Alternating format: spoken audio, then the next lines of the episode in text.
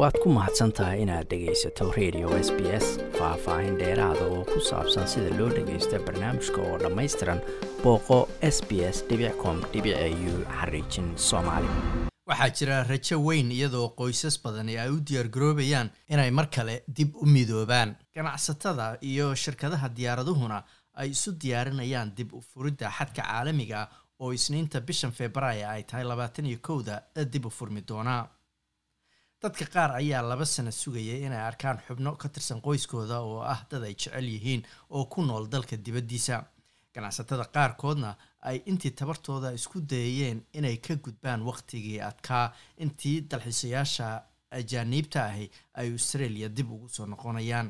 Kadib toddoba boqol oo maalmood dalxiisayaasha caalamka ayaa loo ogolaanayaa inay australia dib ugu soo noqdaan. Isniinta soo socota in mamnuucidda laba sano saarnayd laga qaado ajaaniibta dalka u soo safraya ayaa macnaheedu yahay in dalxiisayaasha tallaalan oo keliya ay soo geli karaan dalka.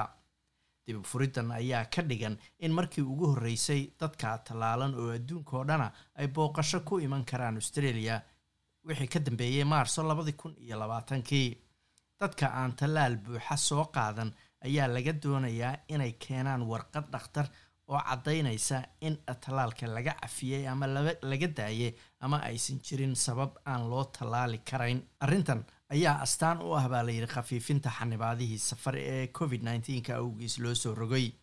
Wakhtigan hadda la joogo ilaa kow iyo labaatanka bisha febraayo muwaadiniinta australia oo keliya iyo dadka deganaanshaha dalkan ku haysta iyo qoysaskooda iyo qaar kale oo tallaalan haystana fiisooyin gaara ayaa loo ogolaa inay australia soo geli karaan dimitra gianoli waa haweenay haysataa labada dhalasho ee griiga iyo australiyaanka waxayna melbourne soo gashay janaayadii la soo dhaafay iyadoo ka timid dalkaasi griiga waxay s b s news u sheegtay in xubno kale oo qoyskeeda ah oo griiga jooga ay aada u doonayaan inay australia soo booqdaan marka xadka la furo isniinta. Kadib markii ay laba sano kala maqnaayeen dimitra waxay aada u sugaysay inay la kulanto elena oo ah gabar ay habaryar u tahay iyo gabar yar oo gabadhaasi ay dhashay oo la yidhaahdo artemis oo dhalatay oktoobar sanadka la soo dhaafay.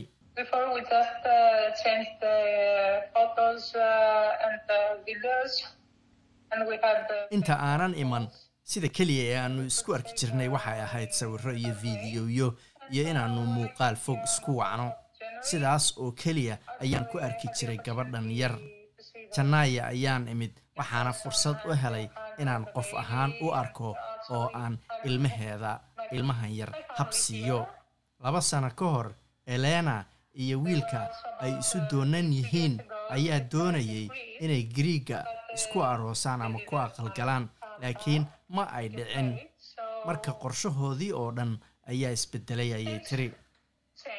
Dimitra walaasheed oo sidoo kale ah eleena hooyadeed ayaan weli soo booqan qoyskan laakiin waxay ku tala jirtaa inay timaado marka xadka la furo isniinta ama marka ay dareento inay ammaan tahay inay soo booqato australia.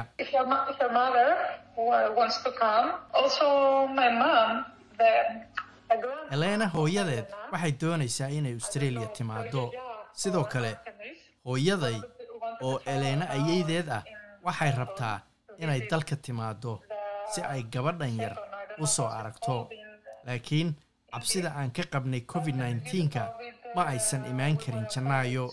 Waxaan ka baqaynay safarka oo dhan iyo inaannu dadka aan kula kulmayno diyaaradaha xanuunka ka qaadno. Marka waxaan isnidhi aynu iska joogno. Waa kulan ay mid la mida qoysas badani aada u sugayaan iyadoo dad badani ay aada u rabaan inay qaraabadooda oo dalka dibaddiisa jira ay soo booqdaan sanadkan. Ganacsatada ayaa sidoo kale aada u sugaya soo noqoshada dalxiisayaasha caalamiga ah. Tourism research australia ayaa sheegtay in lacagaha lagu waayay dalxiisayaasha oo maqan awgeed ay gaarayaan ilaa bilowgii faafka boqol iyo kow dhibic toddoba bilyan oo doolar adeer lowry bimson oo maamula guringay aboriginal tours oo ah shirkad dalxiis oo ay leeyihiin maamulaana dad aboriginala kuna taal waqooyiga sydney. Wuxuu noloshiisa ka helaa inuu dalxiisayaasha soo tuso oo uu geeyo kuna wareejiyo kurungai chase national park. Mr bimson ayaa s b s news u sheegay in dadka danaynaya inay wax dheeraada ka bartaan dhaqanka bulshada guringai uuna aada u sugayo in dalxiisayaashu ay dib ugu soo noqdaan dalka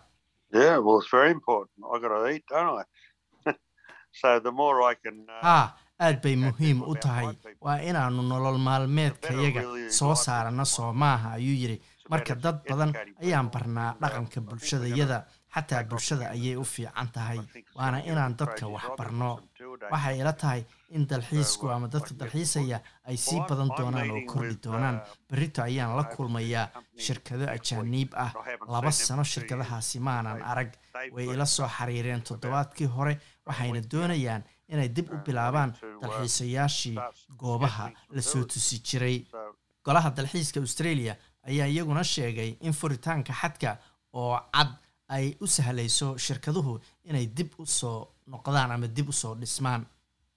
Mr bimson ayaa sheegay inay aada u fiicnaan lahayd in waqti qiimale uu la qaato dadka cusub oo doonaya inay socdaan oo dalxiis ku maraan dalkan australia.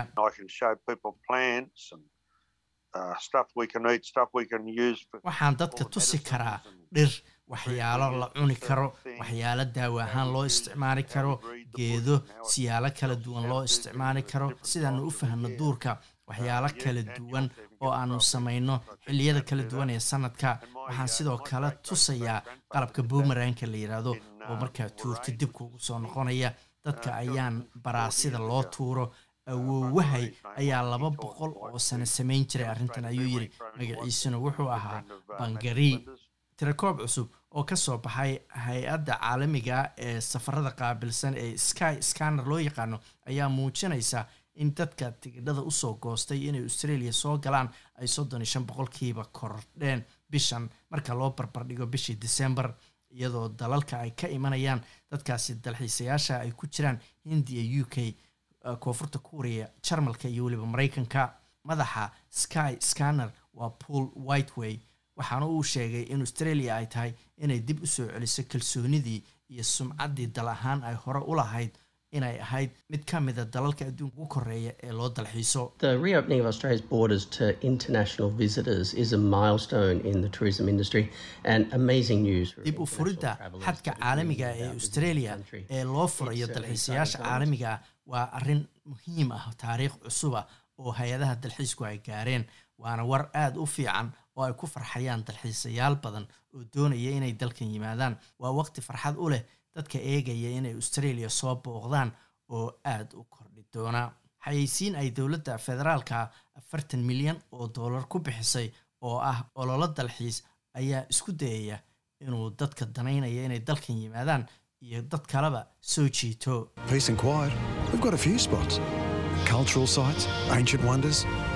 Wasiirka dalxiiska australia dan tian ayaa doonaya in gobollada dalku ay qaadaan tallaabooyin midaysan marka laga hadlayo dalxiiska caalamiga ah.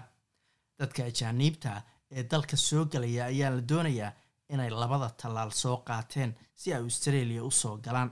Laakiin waxaa jira warar sheegaya in gobollada qaar sida victoria ay dhici karto inay dalxiisayaasha ka dalbadaan inay soo qaateen tallaalka saddexaad ee boosterka la yidhaahdo taasoo macnaheedu yahay waa inaad saddex tallaal qabto si lagula dhaqmo inaad tahay qof si buuxda u tallaalan. Waad ku mahadsantahay inaad dhegaysato raadiyaha s b s toos u dhegaysa barnaamijka habeenada arbacada iyo jimcada tobanka fiidnimo ama kaga soo cesho website-ka iyaga iyo s b s radio app. Booqo s b s com au xariijin soomaali